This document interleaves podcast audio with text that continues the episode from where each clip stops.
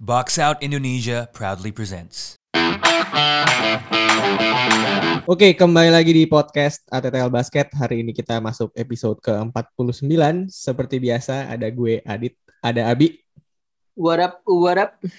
dan ada Jason. Eyo, what up? Eh, ini agak impulsif sebenarnya, karena basically eh, sekarang pada saat podcast ini diambil jam setengah dua siang, cukup impulsif dengan eh, fakta bahwa besok itu eh, NBA Finals sudah mulai main, sementara kita tidak mempersiapkan apa-apa, tapi let's just doing it ya. Jadi basically besok eh, hari Rabu itu NBA Finals mulai, Suns lawan Bucks. Eh gue mau flexing sedikit karena basically bracket yang gue bikin finalsnya ya Suns dan Bucks gitu ya meskipun uh, bracket gue sedikit ternodai dengan adanya Atlanta Hawks yang menang lawan Sixers ya. Jadi basically gue naruhnya Sixers lawan Bucks di Eastern uh, Conference Finals. Sementara seperti yang kita tahu uh, Hawks lawan Bucks. Tapi all is good gitu ya. Uh, dan kenapa alasan gue berani pasang Suns sama Bucks? Ya ada alasan sentimen sedikit gitu ya. Maksudnya adalah kalau Suns menurut gue pribadi jauh lebih uh, matang ya bandingin Jazz dan karena setelah menang lawan uh, Clip uh, menang lawan Lakers sorry di first round menurut gue uh, moral sangat tinggi ya. Maksudnya terlepas dari hal-hal yang teknis yang di mana menurut gue dibandingin tim-tim yang lain yang paling well rounded di West adalah Suns. Lu you pick your own poison deh gitu kan.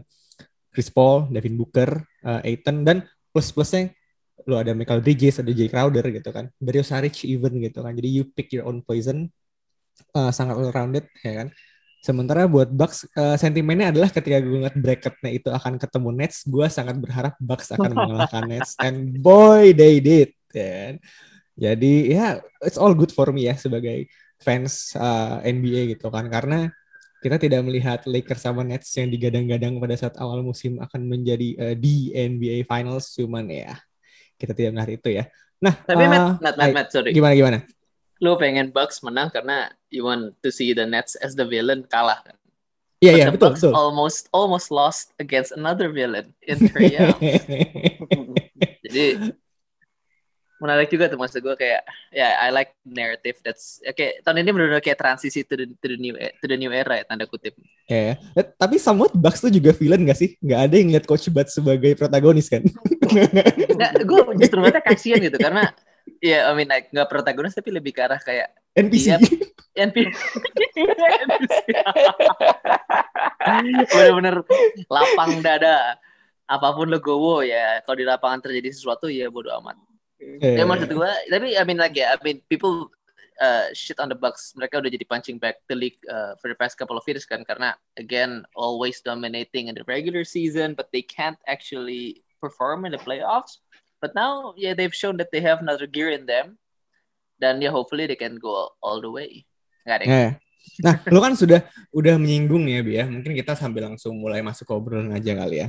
Uh, Hmm. in a seven game series, uh, Phoenix Suns lawan Milwaukee Bucks, considering uh, gimana mereka di regular season, gimana mereka di playoffs, gitu kan. What can we expect di uh, di empat game pertama lah gitu.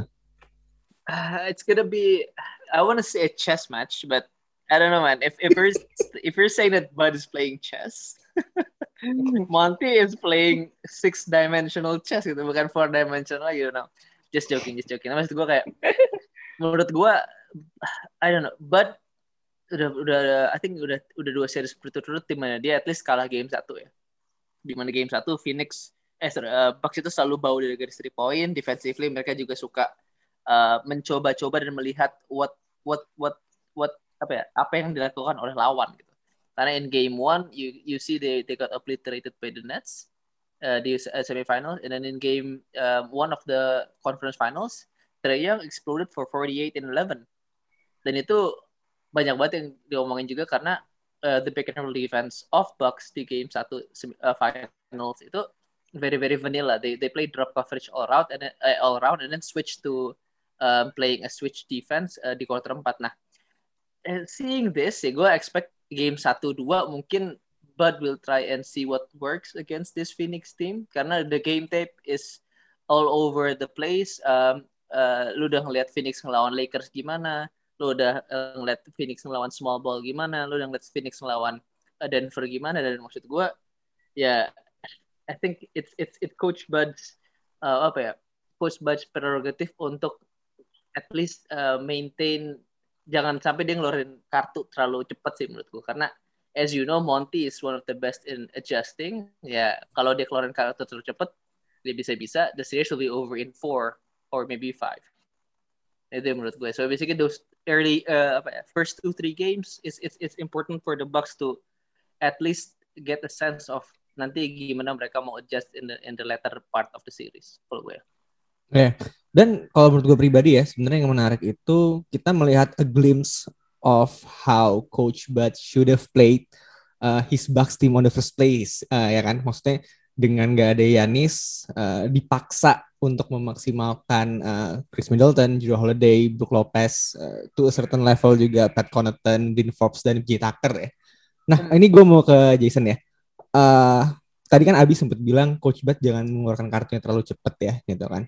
Uh, considering things, ini kan kalau misalkan tadi gue baca di Twitter, basically Yanis doubtful ya.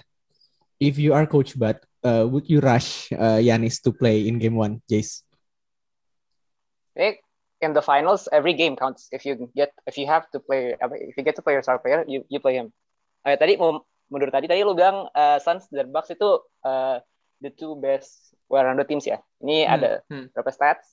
The Suns are number two in net rating and the Bucks are number four in net rating in the playoffs. Guess who's number one? Utah Jazz. Jazz Jazz Defy, bukan? No, Doc Rivers Philadelphia 76ers. well mereka kalau menang timpang sih yeah, so you're right you're right you're right yeah. terus terus terus uh, nambah I think uh, the way the Bucks wanna play it is uh, go to their strengths they live in the paint kan they're apa ya most of their points come from the paint dan juga they're number one in uh, they're number two in offense offensive rebounds uh, then they're also number one in second chance points dan uh, interesting juga uh, the Suns have three guys who average more than one offensive rebound per game. Itu ada Aiton, Michael, and Craig. Terus di hmm. Bucks ada tujuh orang. Itu Giannis, Lopez, Tucker, Portis, Drew, Middleton, dan Connaughton. Basically everyone except Bryn Forbes. Jadi if the Bucks wanna win, I think that's the way to go. Just crush the paint. Yeah, mm, that's interesting. That's interesting. Yeah, yeah, yeah. Nah, you have anything to add, Bi? Nah, karena one of the key aspects nanti kita juga eh kita taruh di preview kita juga adalah uh, the the the Suns ini kan paint defense karena when you see against the Clippers um, kita semua tahu bahwa rotasi centernya Suns itu terbatas kan from Aiton lu langsung ke Dario Saric nothing against Dario Saric ya dia is a really good small ball center tapi ketika kemarin dia ngelawan Bugi ngelawan Bugi pun dia kewalahan dan I think uh, we have the stats bahwa they concede around one points in the paint per minute Saric main Sedangkan itu nggak bisa kalau lu ngelawan tim yang isinya Giannis, Brook Lopez, uh, dan Jero Holiday dengan driving capability dia, Bobby Portis dengan activity-nya dia, and PJ Tucker with his offensive rebounding. Maksud gue, ya, itu bisa jadi one of the key factors sih. So that's a good a, a good shot by Jace also. Eh, karena sebenarnya gini ya, maksudnya gue sangat meninggikan Suns ya. Cuman gue akan ya, emang uh, matahari kan di atas bos. Sementara urusan nempel di tanah ya, nempel bumi. Iya, atau jadi lu ini lagi, lu keturunan lu Jepang ya, ini Jepang. Enggak matahari. Iya matahari jangan. Eh, ya maksudnya gini, uh, Suns itu kan super well rounded ya. Cuman hmm. gue akan berani bilang sebenarnya ceilingnya jauh lebih tinggi Bucks ya. Maksudnya yeah. considering all things ya. Uh, gue akan mengambil sampel yang sangat kecil di uh, game 6 kemarin lawan Hawks ketika uh, Middleton dan Drew basically clicks in ya, kesampingkan dulu yang lain, sebenarnya Bucks lu akan bingung berhentiinnya gimana kan? Maksudnya uh, kenapa gue sebut Middleton dan Drew bersamaan? Karena basically ketika mereka menjalankan PNR dengan Brook, ya possibility-nya luar biasa gitu loh. Yang di mana ketika mereka driving in uh, terus uh, ngelewatin dari PNR ya, ada help defender meskipun ya, uh, gue akan sedikit uh, kasih slider ke PJ Tucker, he's been shit from the three point line. Although uh, dia memasukkan satu yang penting nih kalau nggak salah di game 6 juga apa? Yang di mana yeah. he, he, he's 0 on 6 from the line but he shot it dan tembakan ketujuh masuk. Cuman maksudnya adalah gravitasi yang bisa dibawa oleh dua orang itu aja sebener-benernya ya sangat ngebuka space yang ada kan gitu kan. Jadi considering all few things gitu kan dengan uh, ceilingnya gimana tambah lagi dengan ada Yanis gue harus bilang ceilingnya lebih tinggi Bucks. Cuman seperti yang kita tahu, ya hit and miss kan. Yang di mana kalau lagi wangi-wangi banget, kalau lagi bau-bau banget. Jadi gue sticking dengan fakta bahwa quarter pertama several few minutes itu akan super penting buat Hmm. Bucks terutama ya karena entah kenapa terlepas dari uh, strategi yang dijalanin Bucks seperti apa intinya adalah kalau misalkan bisa ambil di 5 menit pertama biasanya by uh, second quarter udah on cruise mode gitu kan. Nah, Ya. cuman gue mau keluar lagi nih Bi ya gitu kan. Uh, again, let's just assume karena kan tadi Jason juga sempat bilang every game matters. Yanis uh, harus main ya gitu kan. Ya. Apakah lo uh, gimana lo if you are uh, coach Budenholzer ya? Hmm. Gimana caranya lo uh, memasukkan Yanis? Maksudnya lo tidak mau rushing him too fast juga kan? Maksudnya kita nggak tahu kondisi dia berapa persen dan tambah lagi juga lo udah ada glimpse nih sebenarnya tim lo tanpa Yanis pun tuh bisa berjalan gitu loh. Jadi uh, let's just say Yanis main gitu kan. Gimana lo akan mengutilize Yanis dengan kondisi dia sekarang di game satu nanti? I would I would try to ini sih gue akan mencoba apa ya satu aset terba aset paling mahal gue akan selalu gue protect pakai insurance ataupun dengan quality assurance atau quality control yang uh, suka bukan safety safety assurance atau safety control yang yang yang bagus gitu. Dan itu salah satunya menurut gue adalah uh, menyuruh Giannis untuk tidak terlalu ngegas ketika di lapangan itu. Karena as we know the Bucks lead the league eh sorry lead the playoffs ya in transition points, in transition possessions, pokoknya mereka pace-nya tinggi banget. Dan itu adalah yang menurut gue one of the key apa ya, one of the factors juga di mana sebuah pemain bisa cedera adalah ketika dia bermain quote unquote out of control atau dengan tempo cepat kan. Nah kemarin di game 5 kita ngelihat bahwa half court offense-nya Bucks was masterful.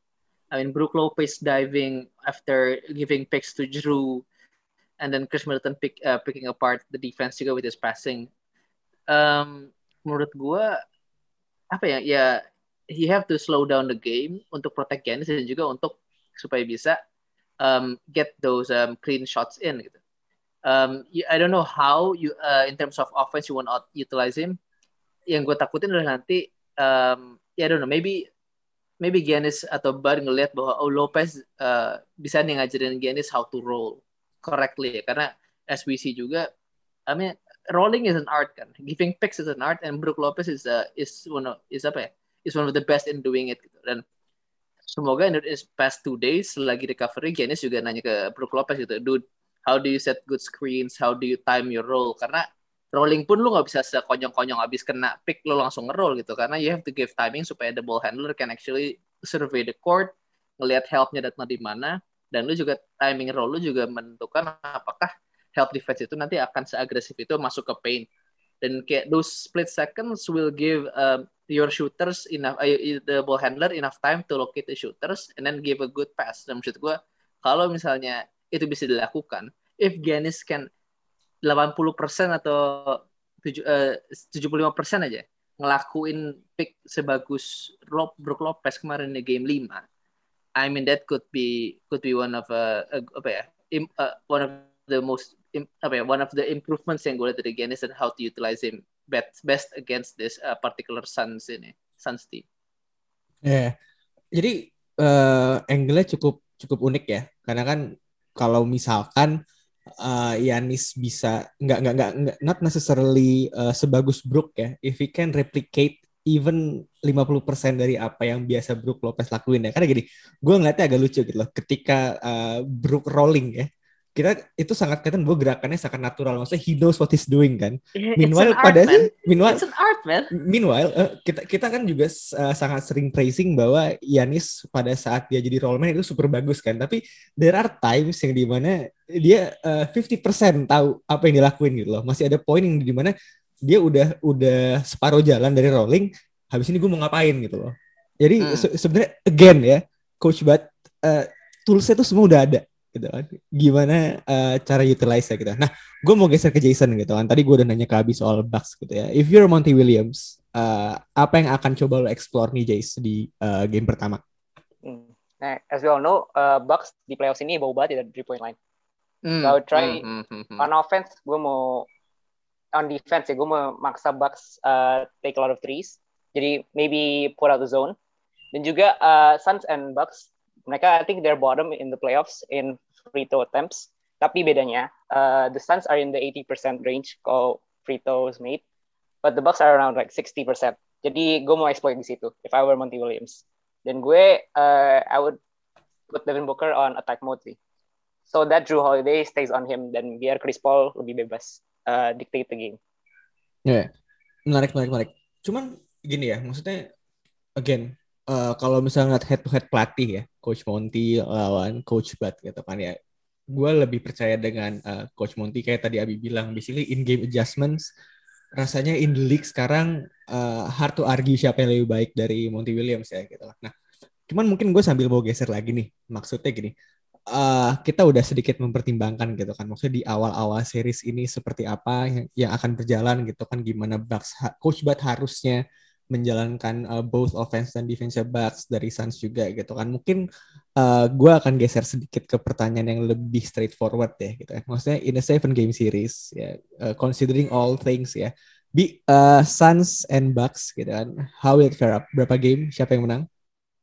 Uh, for me, I think it's gonna be in five, and I think yeah, I think it's gonna be the Suns tuh. Karena gue ngelihat apa ya, I don't know if the Bucks can ini sih Jason, I mean to your Jason's point ya, they've been shit from the three point line, 31% loh dari three point line. And I, waktu gue ngeliat saat saya, I have a hard time believing karena how can a team yang dependensinya sangat tinggi ke tembakan tiga poin ya, hampir 40% dari field goal mereka itu dari three point.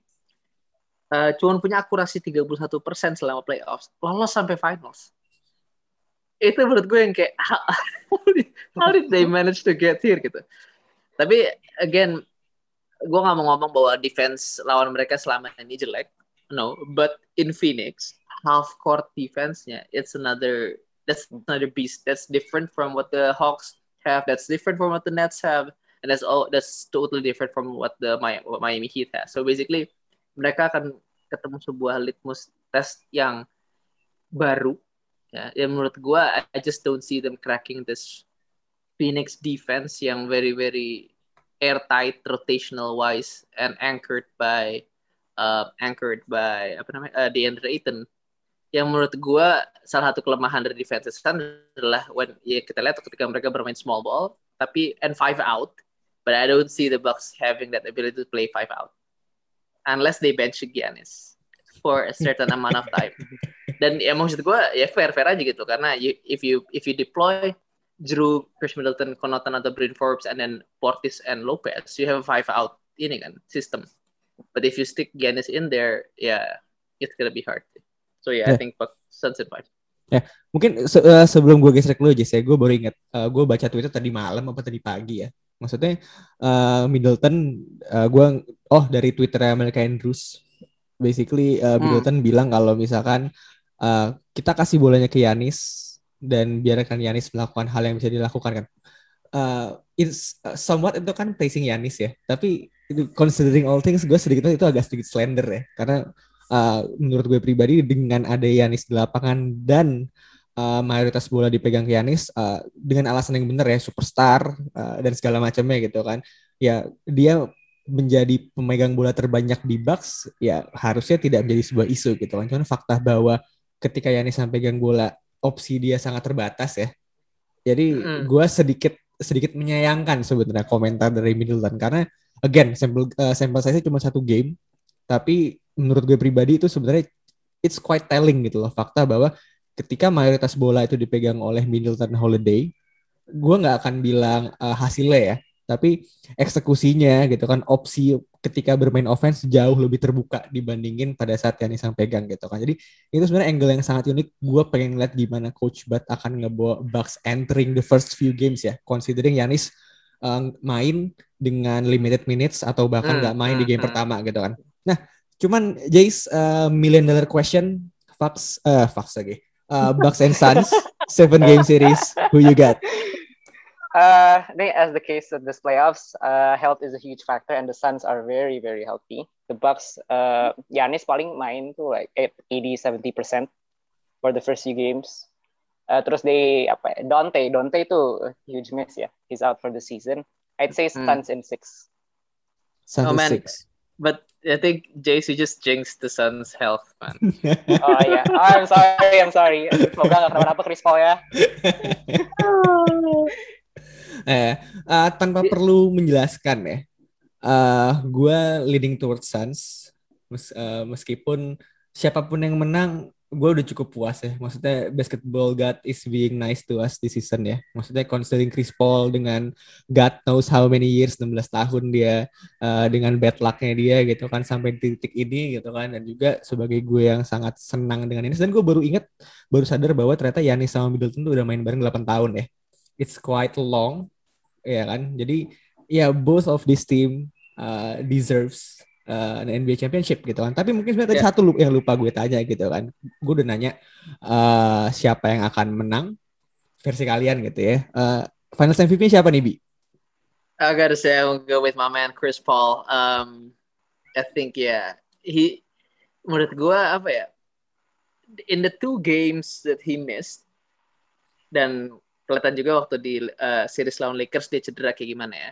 In those uh, couple of games yang dia cedera lah atau dia absen, kelihatan bahwa ya yeah, if the Suns wanted to win without him, they need an explosion, an anomaly from the likes of Devin Booker dengan 41 poinnya atau uh, dari Cameron Payne dengan 29 poinnya dan maksud gue I think that just apa ya menurut gue itu udah memperhatikan bahwa yeah, this team mungkin Booker is the flashy guy, the one that hits the big shots, the one that dates all the supermodels and all that stuff. But Chris Paul is the is the heart of this team. He's the he's the engine in in a, in a sense di mana bukan engine dah sorry dia MCB-nya itu bukan bukan mesin dia MCB -nya. jadi ya ya kalau misalnya kalau nggak ada dia ya susah gitu So yeah, he's the control board. He's the mother control board, and yeah, I, I just don't see them operating well without Chris Paul. So I think he's gonna be finals MVP. cherry on the top of the cake ya. Nggak cuman dia masuk ke NBA Finals pertama kali, dia juara no. dan dia menang Finals MVP-nya.